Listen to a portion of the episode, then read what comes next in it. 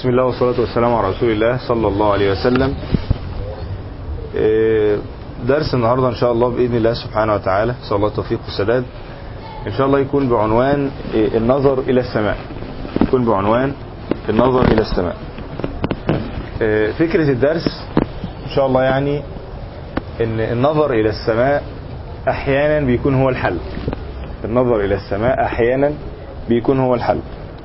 عشان نفهم الفكرة اللي أنا عايز أوضحها هنحاول نذكر أمثلة من القرآن وبعدين نستطرد في شرح الفكرة ونحاول نجيب لها أمثلة واقعية إن شاء الله يعني. إيه لما تيجي تبص في قول الله سبحانه وتعالى وده معين الآية دي بتعمل إشكاليات عند بعض الناس يعني ميبقاش فاهم إيه المغزى في قول الله سبحانه وتعالى. ألم تر إلى الذي حاج إبراهيم في ربه أن آتاه الله الملك؟ إذ قال إبراهيم ربي الذي يحيي ويميت. قال أي الملك الظالم قال أنا أحيي وأميت. سيدنا إبراهيم قال له إيه؟ قال إبراهيم إيه؟ فإن الله يأتي بالشمس من المشرق فأتي بها من المغرب فبهت الذي كفر لما تيجي تبص على الآية دي والآيات اللي قبلها الآيات اللي قبل قصة سيدنا إبراهيم مع النمرود تجد إن هي آية الكرسي. يعني قبلها بآيتين وبعد كده الآيات اللي قبلها قصة قصة طالوت وجالوت. وبعد كده قبل قصة طالوت وجالوت أصلا بداية الربع بيبدأ بقول الله سبحانه وتعالى ألم تر إلى الذين خرجوا من ديارهم وهم ألوف حذر الموت؟ يبقى هنا ناس خايفة من الموت حذر الموت. فقال لهم الله موتوا ثم أحياهم إن الله لذو فضل على الناس ولكن أكثر الناس لا يشكرون. وقاتلوا في سبيل الله واعلموا أن الله سميع عليم من ذا الذي يقرض الله قرضا حسنا فيضاعفه له. أضعافا كثيرة. يبقى بداية الربع بيطمنك على حاجتين. بيطمنك أن الحياة بيد الله سبحانه وتعالى وأن الرزق بيد الله. فمن أعطى نفسه لله حفظ الله عز وجل له نفسه في الدنيا وفي الآخرة. ومن أعطى المال لله حفظ الله عز وجل له المال فأضاعفه له في الدنيا والآخرة. يبقى إذا بداية الربع أن الرزق والحياة بيد الله. وبداية الربع بتاع ألم ترى الذين خرجوا من ديارهم وبعد قصة طالوت ناس خايفة من الموت. ناس خايفة من الايه؟ من الموت. فربنا علمهم لما خافوا من الموت وسابوا البلد في قولين هم سابوا البلد إما إن هجم عدو وكانوا المفروض يجاهدوه فخافوا منه وسابوه فربنا قال لهم الله موتوا. تركتم القتال خوفا من الموت فأماتهم الله. وفي رواية أنهم تركوا البلد خوفا من المرض نزل فيهم مرض فخافوا من المرض فقال لهم الله موتوا ليعلمهم الله سبحانه وتعالى أن الموت يأتي في أي مكان. خلاص؟ عشان بس نبقى فاهمين إيه سياق الآية. وبعد كده قصة طالوت وجالوت برضو ناس اتعرض عليها القتال وخافت واتعرض عليها النهر الفتنة وسقطت فيه. هنا سيدنا إبراهيم وهو يحاج الملك الظالم. هذه المحاجة كانت أمام الناس. والملك ده كان بيدعي إن هو يملك كل شيء ويملك الأرزاق ويملك الأرواح ويملك كل شيء. فحاجه إبراهيم ليفحمه أمام الناس. فسيدنا إبراهيم بيقول له ربي الذي يحيي ويميت. بدأ سيدنا إبراهيم بقضية الحياة والموت. والمفروض أن لا يناكب فيها إنسان ولا ينازع فيها إنسان. أن الحياة والموت بيد الله سبحانه وتعالى. فالملك الظالم قال له إيه؟ أنا ويميت وهكذا كل ظالم يظن أنه بيده الحياة والإماتة فقال أنا بيظل الوهم مع الطغيان يزداد وبيقول هذه الكلمة أنا يحيي ويميت خلاص؟ المفسرين لما قالوا الملك الظالم ده قال أنا محمد عمل إيه؟ عارفين القصة؟ بيجيب اتنين ويحكم عليهم بالإعدام وبعدين يموت واحد ويسيب واحد. خلاص؟ هي كده الناس اقتنعت؟ ولا الناس حصل لها إيه؟ خافت. فخلاص آه فعلا هو يحيي ويميت يبقى قالوها خوفا مش قناعة. طب قالوها خوفا من إيه؟ خوفا على إيه؟ خوفا على حياتهم خوفا على أنفسهم. وسيدنا إبراهيم ركزوا بس معايا سيدنا إبراهيم بنظرة أمام الناس. سيدنا إبراهيم عايز يفحمه أمام الناس. لما يكون كل قضية الناس أنفسهم ورزقهم وحياتهم ساعتها غالبا الطاغية بيستطيع مش إقناعهم بيستطيع إيه؟ قهرهم. فالحل مع الناس إن هي تخرج من مشاكلها الشخصية وتنظر إلى قدرة الله في السماء التي لا يستطيعها أحد. فسيدنا إبراهيم نقل المناظرة من الأرض إلى السماء. نقل الإشكاليات كلها بدل ما تبقى مشكلتك مشكلة شخصية. وده اللي بيحصل إن كتير من الناس بيلحد بسبب ابتلاءات وقع فيها هو. يعني بيحصل إيه؟ إن الكون مليء بالآيات. مليء بالآيات. آيات مبهرة في كل حاجة في جسمه وفي الخلايا وفي السماء وفي الأرض وفي النجوم وفي الكواكب. الكون مليء بالآيات والإتقان. يوم واحد مثلا يحصل له بلاء هو زوجته تموت أولاده يموتوا أهله يموتوا هو يحصل له بلاء مش فاهم مرض معين مش فاهم ليه فيقول لك مفيش ربنا. يعني أنت أنكرت كل الآيات الكونية بسبب مشكلة شخصية عندك؟ لما حصر مشكلته في نفسه في جواه في مشاكله هو أنكر وجود ربنا. لو ساب نفسه وقعد يفكر في الكون العظيم سيعلم يقينا أن الله سبحانه وتعالى هو خالق كل شيء وأنه واحد أحد سبحانه وتعالى. فسيدنا إبراهيم عمل نفس الفكرة. إن هم بدل ما ينظروا إلى أنفسهم ينظروا إلى السماء. بدل ما بدل ما ينظروا إلى أنفسهم ينظروا إلى الإيه؟ إلى السماء. فالحل اللي استعمله سيدنا إبراهيم عشان تخرج من مشاكلك الشخصية لأن أنت أحيانا بتضخم مشكلتك لدرجة زي ما قلت إنك ممكن واحد والعياذ بالله يلحد بسبب إن هو عنده مشكلة شخصية. فسيدنا إبراهيم قال له إن الله يأتي بالشمس. نقل النقاش فين؟ في السماء. الشمس من المشرق فأتي بها من المغرب لا سلطان له على السماء فبهت الذي كفر. هنا سيدنا إبراهيم فكرة إن أنت تتعلم إنك لما تتكلم مع واحد تخرجه من مشاكله الشخصية. هو عايش جوه دايرة جوه مشاكله. مش عايز يبص بره مشاكله. هو عايز يقول لك ربنا عمل لي أنا إيه؟ في حين ربنا عمل له كتير. كفاية لسانه اللي اتكلم بيه وقال بيه أصلا الشبهة دي. كفاية عقله اللي فكر بيه حاول يطلع بيه الشبهة دي أصلا. كفاية بصره وإيده ورجله. لكن أنت بتطلعه بره الدايرة دي خالص وبتخليه ينظر إلى السماء. ودي دايما بتبقى بداية صحيحة إنك تبدأ مع المعرض من السماء زيناها للناظرين وهم عن آياتها معرضون. إنك تبدأ من السماء التي فيها آيات مبهرة. لذلك كان الشيخ الطريفي عمل بحث جميل جدا في وهو بيفسر الأحكام في سورة البقرة في آية قد نرى تقلب وجهك في السماء عن عبادة النظر إلى السماء. يعني حتى أنا جبت لكم الكتاب اقرا لكم منه بعض المقتطفات. فذكر إنها عبادة مهجورة ينساها كثير من الناس. وقال إن النظر ليس للتسلية لكن النظر لمعرفة عظمة الخالق. وقال والنظر والتفكر في العظيم يعطي الإنسان احتقارا لما دونه خلقا فيستدل بشيء على شيء آخر. يعني لما يبص السماء تدي نوع من الرحابة والسعة. تعرف إن الكون واسع مش على قد مشكلة أو مشكلتين أنت عايش فيهم. وجاب نقولات كتير. يقول النظر إلى السماء عبادة ومن المقطوع به أن النظر إلى السماء تفكرا واعتبارا عبادة عظيمة. وقد كان النبي صلى الله عليه وسلم كثيرا ما ينظر إلى السماء. وجاب روايات كتيرة إن النبي صلى الله عليه وسلم كان ينظر إلى السماء. كثيرا ما يرفع رأسه إلى السماء. صلى الله عليه وسلم. وبعدين قال حكم كثيرة من النظر إلى السماء. قال التفكر واعتبر الاعتبار. واحد إظهار الحاجة والفقر والضعف حتى لو لم يتكلم الإنسان. ثلاثة حسن الظن بالله. وكأن الإنسان يرقب نزول الخير. أربعة إفراد الله بالربوبية والعبادة. فمدبر هذه الأفلاك لا يمكن أن يكون إلا واحدا. خامسا زيادة الإيمان مشاهد قدرة الله. تواضع الإنسان عند رؤيته مخلوقا أعظم منه. الخوف من الله. الاعتماد والاتكال عليه في تدبير الشأن. الإيمان بجميع صفاته. هوان من يستعظم ويستعلي على الله من متكبر الأرض من سلاطين وظلم. وجاب حكم كتير. وجاب روايات كثيرة جدا. حتى أن قبل الدعاء إن النبي صلى الله عليه وسلم كان ينظر إلى السماء ثم يدعو. بل كان بعض الصحابة حينما يرفع النبي صلى الله عليه وسلم بصره إلى السماء يقولون الآن يدعو. فقال حتى إن دي من العبادات المهجورة. فإن النظر إلى السماء بيخرجك بره دايرة الأرض ومشاكل الأرض وضيق الأرض وضيق نفسك. يخليك تعلم أن الكون متسع. وده أحد الحلول الرائعة لكتير من المشاكل إنك تعرف حجمها الحقيقي. تعرف حجمها الحقيقي إزاي بالنظر إلى السماء. وهوضح أكتر دلوقتي. لما نيجي برضو في سورة آل عمران إحنا قلنا المثال الأول من القرآن سيدنا إبراهيم لما قال إن الله يأتي بالإيه؟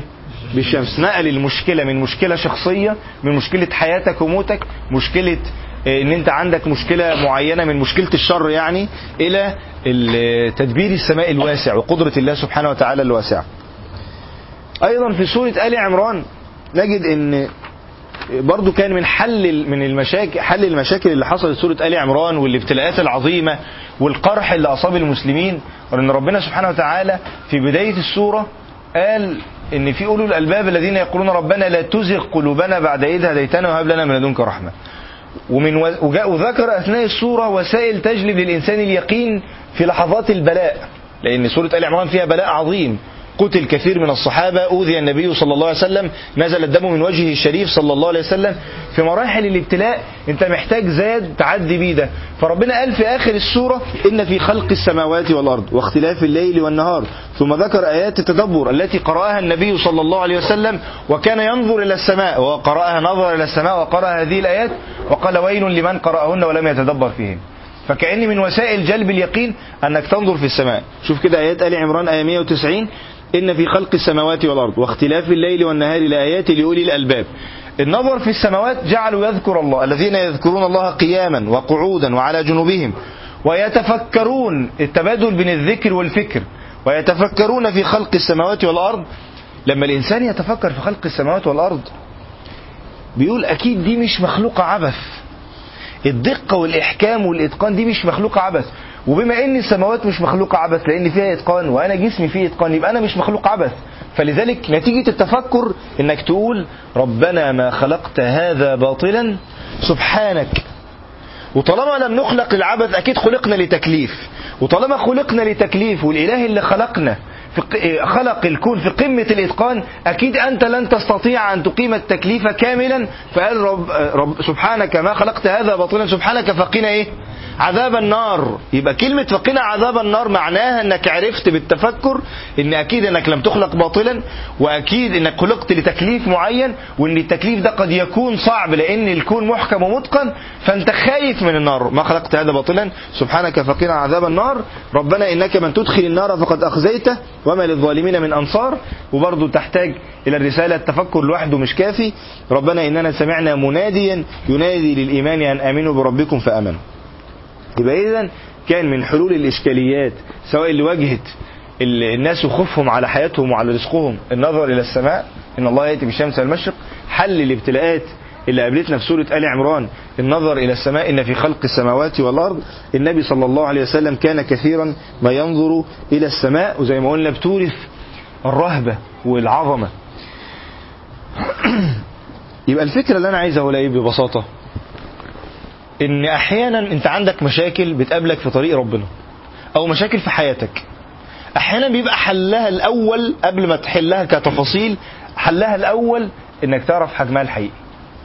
طول ما انت مكبر المشكلة يعني مثلا حد يجي يقول لك إيه أنا عندي مشكلة صعبة جدا. تقول له طيب تعال نقعد نحلها. يقول لك لا مش ممكن ده صعبة جدا وفظيعة جدا ويعني لا يمكن تتحل. يعني ما حدش مر بيها قبلك. يعني يعني معقول إن يعني إزاي إزاي لا يمكن تتحل؟ طول ما هو مضخم المشكلة هيحس إن أي حل مش مناسب. وممكن يكون حلها ببساطة إنه يعرف حجمها الحقيقي. أحد الإخوة في مرة كان عنده مشكلة وكان مقرقاه لمدة شهور يعني. فقعدت أتناقش معاه كتير مفيش فايدة. دايما تضخيم المشكلة مانع وصول أي حل. ففي مرة سبحان الله أحد الإخوة يعني ما شاء الله مميزين في قراءة القرآن يعني قابلنا وأنا بتكلم معاه فقال لي إيه؟ طب تعالى نصلي ركعتين بس مع بعض. فالأخ ده رحنا إحنا الثلاثه أنا والأخ اللي عنده مشكله والأخ اللي بيقرأ القرآن. رحنا المسجد فالأخ قال إيه؟ هصلي بيكم بس ركعتين. فالأخ صلى بسورة الإسراء وطه ومريم ركعتين فالله بس بقول لكم يعني عشان مقدمة لله. دي مشكلة في حد ذاتها؟ نسيته المشكلة الأولانية. ما هو ده اللي حصل بالفعل يعني. فبتكلم مع الأخ بقى بعد الصلاة وكان في فتح فضل الله في الصلاة دي يعني. فقال لي أنا خلاص ما عنديش مشكلة. آه يعني ما عايز أعرفكم ولا عايز أشوفكم. لا هو فعلا قال لي أنا فعلا عرفت حل المشكلة خلاص. أنا كنت مضخم الأمور.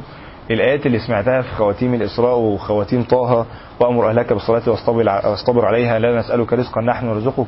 وفي سورة مريم وإزاي قدرة ربنا سبحانه وتعالى إنه بيعطي كل شيء وإن التعجبات أن هذا هو قعد يقول لي إزاي إنه لما عرف معاني كبيرة المشكلة دي طلعت صغيرة.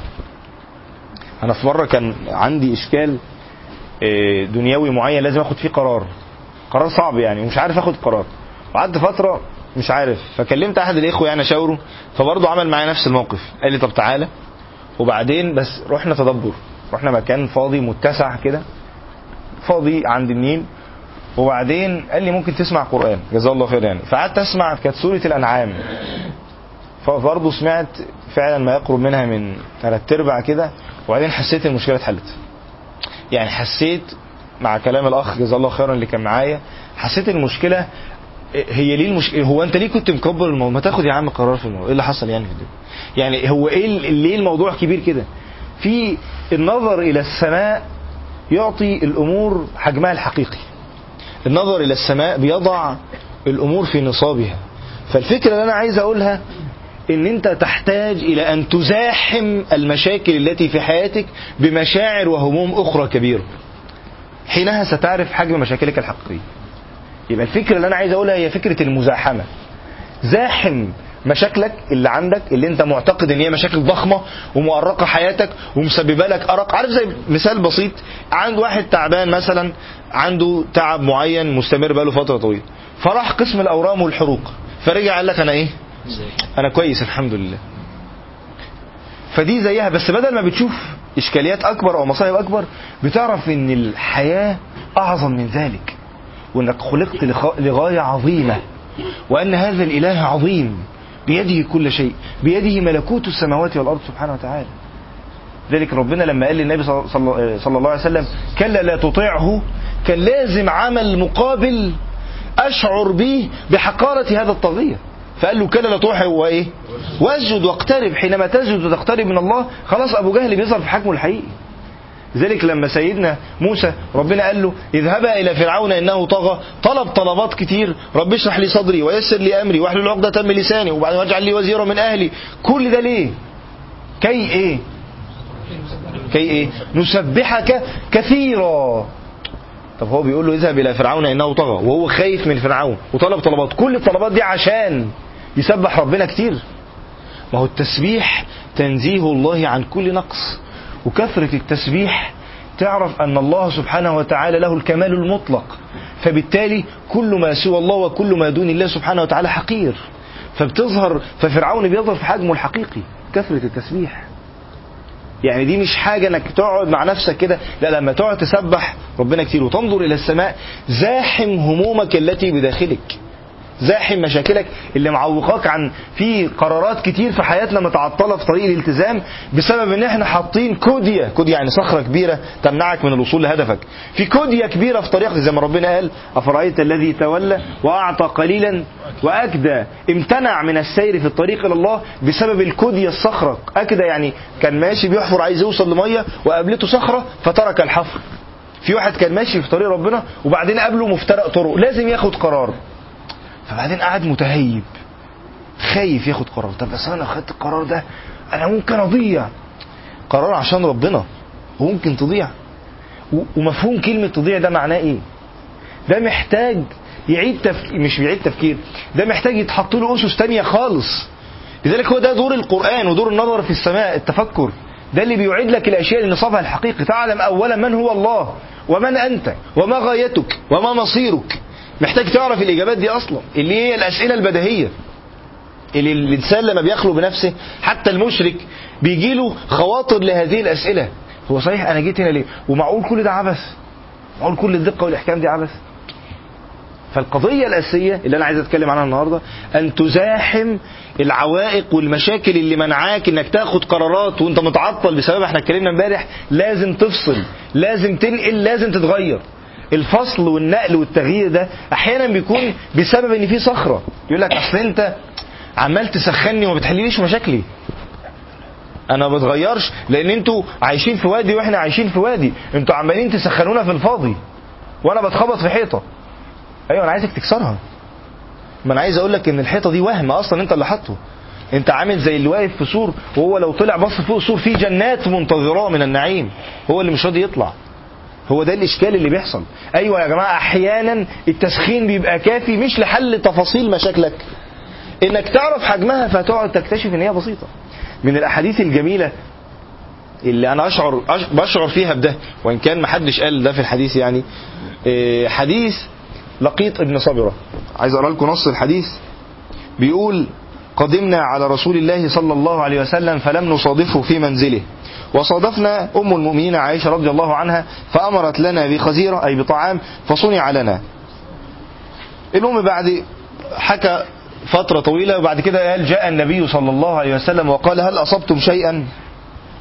أو أمر لكم بشيء فقلنا نعم يا رسول الله. صلى الله عليه وسلم هم جايين عايزين يستشيروه في مشكلة. لقيت ابن صبرة عنده مشكلة معينة مشكلة عائلية عايز يستشيره فيها. واضح إن المشكلة دي كبيرة لدرجة إنه كان جاي يسأل النبي صلى الله عليه وسلم فيها. فبيقول النبي صلى الله عليه وسلم سأله هل أمر لكم بشيء؟ فقلنا نعم. فبينما نحن مع رسول الله صلى الله عليه وسلم إذ دفع الراعي غنمه إلى المراح ومعه سخلة تيعر يعني شاة صغيرة لسه مولودة. فقال النبي صلى الله عليه وسلم ما ولدت يا فلان؟ قال بهمة شاة صغيرة.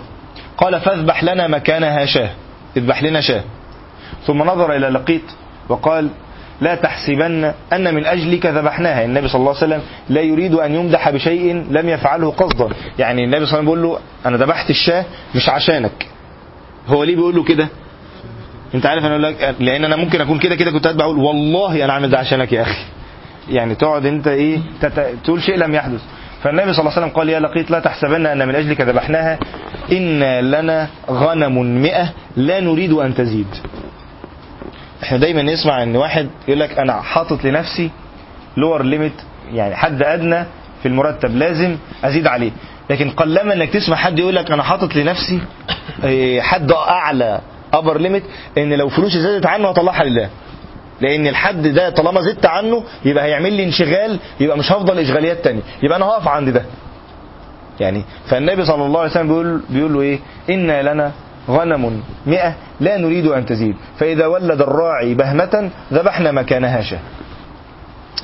أنا مستشعر إن لقيط جه وسط الجو الإيماني ده وبعدين لما قابل أمنا عائشة وحياة بسيطة والبيت فيه فقر وأمرت له بخزيرة طعام بسيط. وبعد كده النبي صلى الله عليه وسلم في الجو ده قال أنا اللي حاطط عدد زيادة. هو أول مرة يشوف الأجواء دي أصلا. فبدأ يحس إن إن مشاكله صغيرة. ده ده إحساسي أنا. يعني فقال يا رسول الله إني لي امرأة سيئة الخلق في لسانها نوع من البذاءة يعني. فالنبي صلى الله عليه وسلم قال طلقها إذا. حاسس إن هو حاسس إن الدنيا كلها سهلة. فقال يا رسول الله إني لي منها ولد. قال فأمرها. فإن يكن فيها خير فستفعل ولا تضربها ضربك ضعينتك. فقال يا رسول الله حدثني عن الاستنشاق. يعني بدأ يسأل في الوضوء. يعني بدأ يتكلم إيه؟ أنا حاسس إن. يعني دي مشكلة عالية كبيرة إن هو يتجاوزها في سطر. ده بيحصل إمتى؟ لما تكون جو إيماني عام أنت عايشه فمشكلتك بتاخد حجمها وبتبدأ تنتقل إن في أسئلة تانية في حياتك مهمة. إن في حاجات في دينك تانية تبدأ خدت حجمها وتجاوزتها. ده بيحصل لما زي بقول لك تبقى جوه جو إيماني معين. لكن لو انت عايش للمشكلة دي بس شفتش أي جو إيماني تاني دي هتنغص عليك كل حياتك. تحس إن هي مشكلة ضخمة وكبيرة. كل واحد يبقى عنده مشكلة في الشغل. حاسس يعني ممكن أحيانا أقابل معايا حد من زمايلي في الشغل. تقابله تحس إن زي ما يكون مثلا عافانا الله وياكم مات له حد من أولاده. فتقول خير. في حد من أولادك؟ لا كويسين. زوجتك كله كويس. في مشكلة مادية لا. أمال إيه؟ اتأخرت مثلا في الترقية ست شهور مثلا. إن هو ما خدش الدكتوراه اتأخر في الترقية ست شهور. يا سلام. لا يعني هو ربنا أكرمه بكل ألوان النعيم. إحنا أصلا ورانا في ظهرنا مستشفى غنيم يعني إحنا في مكتبنا في الشغل تبص كده ناس بتغسل كلى وراه وناس بتعمل عمليات وراه وناس عندها ومعهد الأورام وراه وهو مش شاغل باله بده. هو عايش جوه مربع صغير جدا. فكل نملة شايفها وحش. يعني كل حاجة صغيرة مشكلة صغيرة شايفها ضخمة ومتعطل في حاجات في حياته بسبب المشاكل. فأحيانا إحنا بنبقى كده متعطلين في الدين في قرارات مش قادرين ناخدها بسبب حاجات ضخمة. وده على فكرة بيحصل معانا كلنا مثلا لما الواحد في بداية التزامه ممكن تلاقي شاب مثلا في الجامعة بنسبة كبيرة بيكون بيحب واحدة وله شلة صايعة بيخرج معاها. غالبا يعني. وغالبا دول السببين اللي بيبقوا مانعينه من ال... غالبا بيبقوا مانعينه من الالتزام. إنه مش عايز يسيب البنت اللي بيحبها ومش عايز يسيب الشلة الفاسدة اللي بيخرج معاها. بعد ما ربنا بيمن عليه وبياخد القرار بتوفيق من الله سبحانه وتعالى وبيمشي سنين بيبدأ يبص ورا كده. ده أنا كنت عبيط يا جدعان. إيه ده؟ أخيني ده اللي كان معطلني. هي طبعا حبت واحد غيره عادي جدا وجوزت واحد غيري وهم شافوا واحد غيره وصاعوا عادي من غيره تماما. والكان الهيصة اللي كان عاملها دي كان وهم. ده ده كان وهم. وهو نفسه ده الأخ ده لما بيقابل واحد جاي يشتكي له مشكلة بيقول يا نهار أبيض. يا ابني ده كله ده وهم. يقول له لا مش ده مش متخيل الموضوع صعب يقول له يا ابني أنا مش عايز أكسر مشاعر يا ابني هتبيعك أقسم بالله. ما تعيش في الوهم بس اللي أنت عايش فيه. صحابي لا يمكن أبيعهم. والله أنت غلبان أنت حر. يعني بيبقى مضخم أمور وإحنا في حياتنا برضه في الدينية. تقول له أنت ليه ليه ليه مش عايز تنقل؟ يعني درس امبارح. ليه مش عايز تفصل؟ ليه في حاجات واقفة في حياتك؟ ليه الكودة دي مش عايز تكسرها؟ مش عايز تعديها ليه؟ هو ممكن هو أنا مش بقول إن هو بيكذب. هو بيبقى شايفها كبيرة. حلها إن هو يزاحم ده إن يشوف حاجات كبيرة بجد. إن ينظر إلى السماء إن ينظر إلى الجنة والنار إن ينظر في القرآن إن ينظر لأفعال إبراهيم عليه السلام إن يشوف الأبطال اللي بجد إن يقرأ عن الصحابة إن يسمع عن النبي صلى الله عليه وسلم. الكلام ده في حد ذاته بيخليه فعلا يبدأ أنا إيه اللي معيشني؟ ده أنا كنت عايش في ام يعني أنا كان في حياة ضخمة من البذل للدين أنا ما كنتش أعرف عنها حاجة أصلا.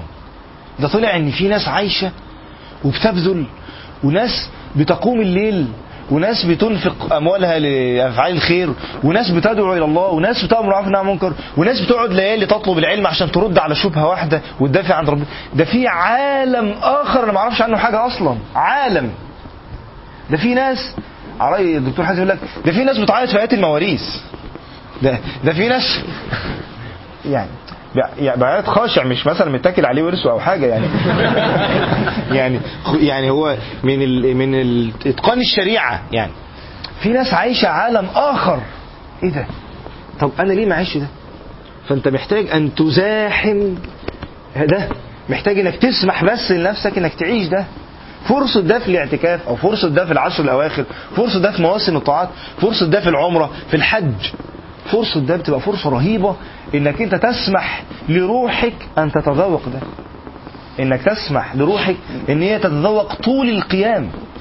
إنك هتشعر بلذة إن ربنا وفقك إنك فعلا تعبت ووقفت في الصلاة وتعبت. حاجة أول مرة تعملها. بيبقى الناس تشعر أحيانا بلذة إنه يفطر صائم إنه يروح على الطريق ويفطر. بيشعر بلذة لأن الطاعة ليها لذة. فأنت محتاج أن تزاحم ما بداخلك. اسمح لروحك أن تتذوق هذه المعاني. ما تبقاش عامل زي المرأة التي حبست الهرة فلا هي أطعمتها ولا هي تركتها تأكل من خشاش الأرض. في واحد كده مانع نفسه أنه يتذوق. تقول له تعالى مثلا مسجد بيطول يقول لك لا ده بيطول. طب ما تسمح لروحك أن تتذوق. طب ما أنت رحت أماكن تانية وجربت حاجات تانية كتير. اسمح لروحك أن تتذوق. طب جرب تقرأ قرآن فترة طويلة. لا صعب. طب جرب مش عارف تتعلم. لا مش ماليش في التعليم طلب العلم. طب جرب مش هو رافض رافض. فبالتالي مشاكله هتفضل كبيرة. يقول لك لا حلي لي مشاكلي الأول. هو ب... إحنا بندخل في صراع. تقول له خد خطوة. يقول لك حلي لي مشكلتي. تقول له طب جرب وهي هتتحل. يعني ادي لنفسك فرصة إنك أنت تنظر إلى السماء تنظر للقران تعيش المعاني وهتلاقي مشكلتك خدت حجم صغير. يقول لك لا أنا عارف أنا مشكلتي صعبة ولازم حد يحلها لي الأول. أنا لو ما لقيتش حد يتابعني ومسجد جنب بيتي ومعهد شرعي يعلمني وحد يهتم بيا مش مش هكمل في الطريق.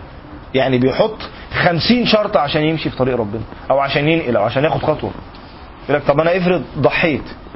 افرض ضحيت بحاجة معينة. طب أنا مين اللي هي مين اللي هيتابعني بعد كده؟ يا ابني أنت رايح لربنا. يعني أنا عايز أقول لكم إيه أحيانا المشهد بيبقى أشبه بإن مثلا حبل نازل من السماء وأنت ماسك فيه.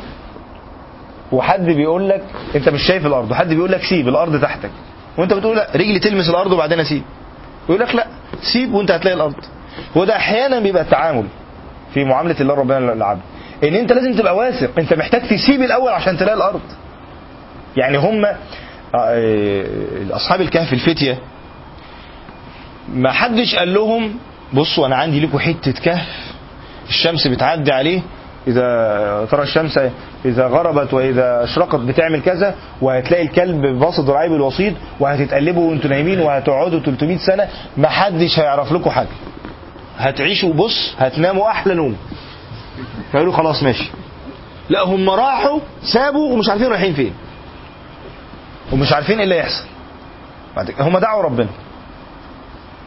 بعد كده أول الكهف ودعوا ربنا. فلما أول الكهف ودعوا ربنا ربنا قدر لهم هذه الأمور. فأحيانا أنت تقول لا تقول يا رب لا. يعني ربنا بيقول ولو أن أهل القرى آمنوا واتقوا لفتحنا عليهم بركات. تقول له افتح لنا بركات وإحنا نؤمن ونتقي. لا آمن واتقوا نفتح لكم بركات. هو ده اختبار اليقين.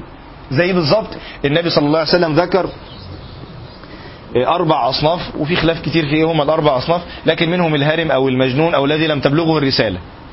إن دول ما لهمش تكليف. طب دول هيتحاسبوا إزاي؟ على خلاف طويل بين أهل العلم أحد الأقوال القوية اللي ورد فيها حديث في مسند أحمد بسند صحيح حسن الشيخ الألباني إن هؤلاء يأتون يوم القيامة فربنا يعمل لهم اختبار واحد بس لو نجحوا فيه يخشوا الجنة. فالله سبحانه وتعالى يأمر عنق أو لسان من النار فيخرج ويقول لهم أرسلت رسلي إلى عبادي وأنا رسول نفسي إليكم ألقوا بأنفسكم في النار. ف... مين اللي بيقول له؟ ربنا. المفروض يبقى عنده يقين. يعني كأن اختبار الدنيا كلها ستين سنة اتلخصت في امتحان اليقين. إنك تبقى شايف حاجة مستغربها وتعمل عكس اللي انت شايفه. فمن ألقى بنفسه فيها فيها كانت عليه بردا وسلام نفس برضه اختبار الدجال في آخر الزمان. يأتي الدجال في آخر الزمان ومعه جنة ومعه نار. فيقول النبي صلى الله عليه وسلم فناره جنة وجنته نار. فمن أقحم نفسه في النار وجدها جنة وجدها بردا وسلام وبيروى عن النبي صلى الله عليه وسلم إن ياتي أحد الناس في آخر الزمان مع الدجال فيطأطئ رأسه ويغمض عينه ويطأطئ رأسه ويقتحم فيه. فيجدها جنة مع إنها نار قدام الناس نار. يبقى هو اختبار اليقين. إنك أنت تفعل ممكن واحد يقول لا خليها برضه سلام وأنا أخش. طب ما هي لو بقت برضه سلام كل الناس هتخش. على ذلك يقول النبي صلى الله عليه وسلم الحديث الصحيح حفت الجنة بالإيه؟ بالمكاره ما هو ده الاختبار. ما هي لو حفت الجنة بالشهوات. طب ما هو لا هي حفت النار بالشهوات. حفت الجنة بالمكاره لذلك الحديث أيضا المشهور حديث طويل لما قال الله عز وجل يا جبريل بعدما خلق الله سبحانه وتعالى الجنة وقال يا جبريل اذهب فانظر إليها. فنظر جبريل إلى الإيه؟ إليها دي إلى الإيه؟ إلى الجنة. فقال يا رب وعزتك لا يسمع بها أحد إلا ويدخلها. في واحد عاقل يسمع عن الجنة وما يخشهاش. فحفها الله بالمكاره. وقال يا جبريل إذهب فانظر إليها. المرة دي نظر إليها مع الإيه؟ مع المكاره. فقال يا رب وعزتك لقد خشيت الا يدخلها أحد. يبقى لما تنظر إلى الجنة لما عينك تكون على الجنة تتجاوز المكاره بسهولة. لما تكون عينك مركزة على المكاره لما تفضل عينك مركزة على المكاره تحس إن الطريق صعب لأنك بتستعظم المكاره لذلك أيضا عندنا في نفس قصة سيدنا إبراهيم نفس السياق سورة البقرة بقرة أو كالذي مر على قرية وهي خاوية على عروشها. قال أن يحيي هذه الله. معلش حتة لغة عربية على السريع أنا آسف. يحيي فاعل. الفاعل فين؟ لفظ الجلالة. الله. والمفعول به؟ هذه الأرض. وهنا عمل إيه؟ قدم المفعول على لفظ الجلال اللي هو الفاعل. كان ترتيب الكلام يحيي الله هذه. لا هو خلى هذه الأول. التقديم دايما يفيد الإيه؟ الاهتمام. لما تقدم حاجة بتفيد إيه؟ إنك مهتم بيها. خلاص؟ يبقى هو لما نظر إلى الأرض وركز في الأرض قد إيه الأرض بور وخاوية على عروشها يعني كل تفكيره كان في الأرض. أخر لفظ الجلالة وقدم الأرض. فحس إن يستحيل إن هي تتعمل. فقال أن يحيي إيه؟ هذه الله. طول ما أنت عايش تفاصيل قوي المشكلة ومكبرها هتحس إن هي صعبة تتحل. هو الحل إنك تعمل إيه؟ تعكس بس. حط لفظ الجلال الأول. أنك الأول تتدبر في قدرة الله. لذلك ده اللي حصل مع سيدنا زكريا. سيدنا زكريا لما كان بيذكر تفاصيل المشكلة إن هو بلغ من الكبر عتية واشتعل الرأس شيبة وهن العظم منه وامرأة عاقر كان حاسس إن المشكلة صعبة. إمتى سيدنا زكريا دعا؟ حينما رأى قدرة الله. لما رأى الرزق بيأتي لمريم بغير حساب. قال يا مريم وأن لك هذا؟ قالت هو من عند الله إن الله يرزق من يشاء بغير حساب. هنالك دعا زكريا رب. يبقى أحيانا دعائك ما بيبقاش قوي بسبب إنك عايش تفاصيل مشكلتك أصلا. وأحيانا دعائك بيبقى يقين في يقين وصدق وقوة بسبب إنك عشت مع مع قدرة ربنا سبحانه وتعالى. إنك تروح في مكان بعيد تتأمل في قدرة ربنا سبحانه وتعالى في السماوات تنظر في السماوات والأرض تسمع قرآن وبعدين تدعي. تحس إن. إن المشكلة بسيطة. اتحلت أو ما اتحلتش أصلا ولم أكن بدعائك ربي شقيا زي ما قال ابن عيينة لم اشقى بدعائك وإن لم تجبني. بس هو بيشعر إنه لو وفق لدعاء إن مشكلته اتحلت. إنه خلاص ما عادش عنده إشكال. حتى لو الإشكالية اللي فيها ما اتحلتش. هو يعلم إن ده الخير له. بس ده بيحصل إمتى؟ لما تعيش مشاعر تانية غير الإشكال اللي أنت عايش فيه لما تخرج بره الدايرة الصغيرة دي. لما تزاحم ده. ده يا جماعة ما بيجيش مرة واحدة بيجي تدريجي. إنك تظل تزاحم المشاكل. لذلك يعني ناس كتير التزمت. هو مش فاكر أصلا إيه كانت مشاكله قبل الالتزام. كان عنده شوية مشاكل خايبة كده مثلا آه واحدة بيحبها واصحاب هو أصلا الحاجات دي راحت فين؟ الحاجات دي تم مزاحمتها خلاص. الحاجات دي هموم تانية عاشها ومشاعر تانية عاشها اتهرست. الحاجات التانية دي خلاص راحت. ما عادتش موجودة. في حين المشكلة اللي انت شايفها كبيرة دي بكرة هتبقى صغيرة. لو انت كملت في الطريق بكرة هتبقى صغيرة. اللي انت مستصعبها وحاسس ان يستحيل اسيب ده مين اللي قال يستحيل؟ على فكرة ناس كتير سابت وما حصلهاش حاجة. لا ده هتقطع وهي هتقطع ولا يحصل أي حاجة. أنت اللي مكبر ال- ال- ال- الموضوع ده. لذلك فكرة المزاحمة حصلت برضو في قول الله سبحانه وتعالى. إيه، آل عمران استصعدون ولا تلون على أحد والرسول يدعوكم في أخراكم فأثابكم غما بغم لكي لا تحزنوا. هو إزاي الغم خلاهم ما يحزنوش؟ فبيقول كنت شرحت الآية دي بالتفصيل في جلسات آل عمران. لو تفتكروا إن اللي حصل إن هم أصابهم الغم الأول الغم الهزيمة. اتغلبوا. الغم الثاني أشيع مقتل النبي صلى الله عليه وسلم. فمشاعر الحزن على النبي صلى الله عليه وسلم نستهم مشاعر الهزيمة. فلما أخبروا أن النبي صلى الله عليه وسلم لم يموت ففرحوا. فنسيوا مشاعر الهزيمة. فانقلب الحزن الثاني فرحا فنسيوا مشاعر الهزيمة. فحصل مزاحمة للمشاعر الأولى. فحين انت لما بتعيش مشاعر تانية بتنسيك المشاعر الأولى.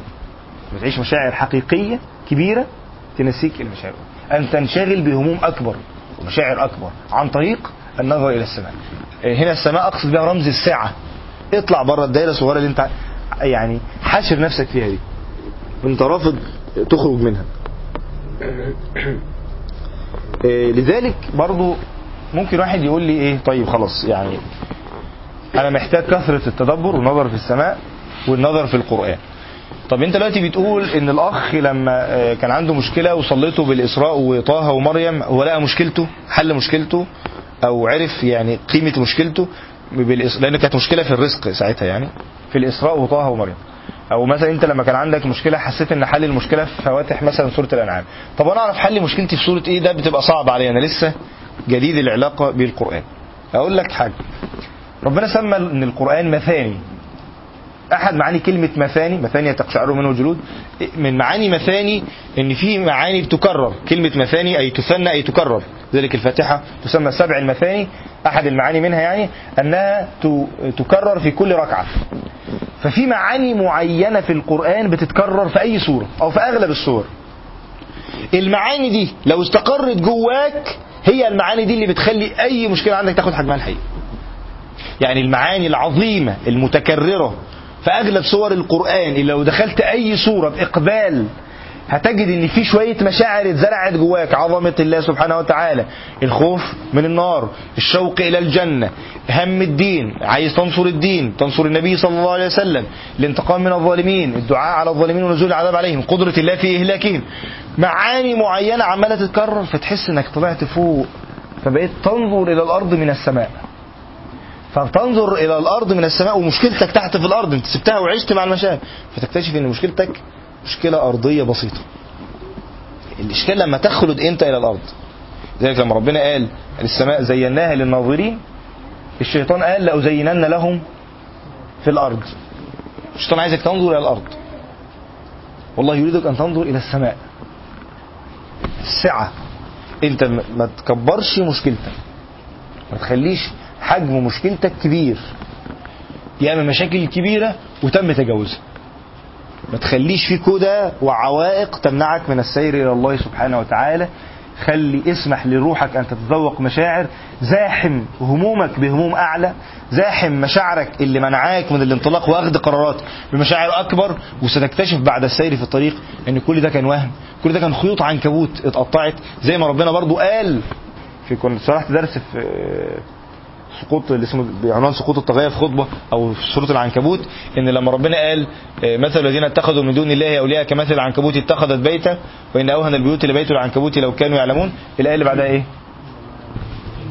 ها؟ إن الله يعلم ما دون من دونه من شيء وبعدها؟ خلق الله السماوات والأرض لا خلق السماوات دي في الجاثية وخلق هي إيه؟ ها؟ ماشي وتلك الأمثال نضربها ويعقلها إلا العالمون خلق الله السماوات والأرض.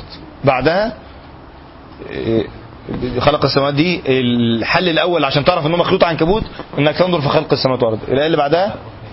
اتلو ما أوحي إليك من الكتاب ها؟ وأقم الصلاة. اقرأ قرآن وصلي. يبقى نظر في السماء اقرأ قرآن وصلي هتلاقيهم فجأة بقوا مخلوط عنكبوت قدامك. تعرف إن هم علق. إنك تعرف إن أهل كلهم علق. اقرأ باسم ربك الذي خلق خلق الإنسان من علق. انك عايز تعرف أبو جهل في حكمه وانه م- أبو جهل في حجمه الحقيقي وانه مجرد علقة وأن روحه وبصره بيد الله وقلبه وعقله وفكره بيد الله سبحانه وتعالى وذلك ولو يشاء الله لانتصر منهم. عشان تعرف هذه الحقائق وتصبح يقين. خلق الله السماوات والأرض بالحق اتل ما أوحي إليك وأقم الصلاة. لكن استمر ده استمر على ده. زاحم همومك اللي جواك. إياك أن تتوقف إياك أن تحبس روحك وتمنعها من تذوق هذه المشاعر. قولوا قولي هذا واستغفر الله لي ولكم أكتفي بهذا القدر. سبحانك اللهم وبحمدك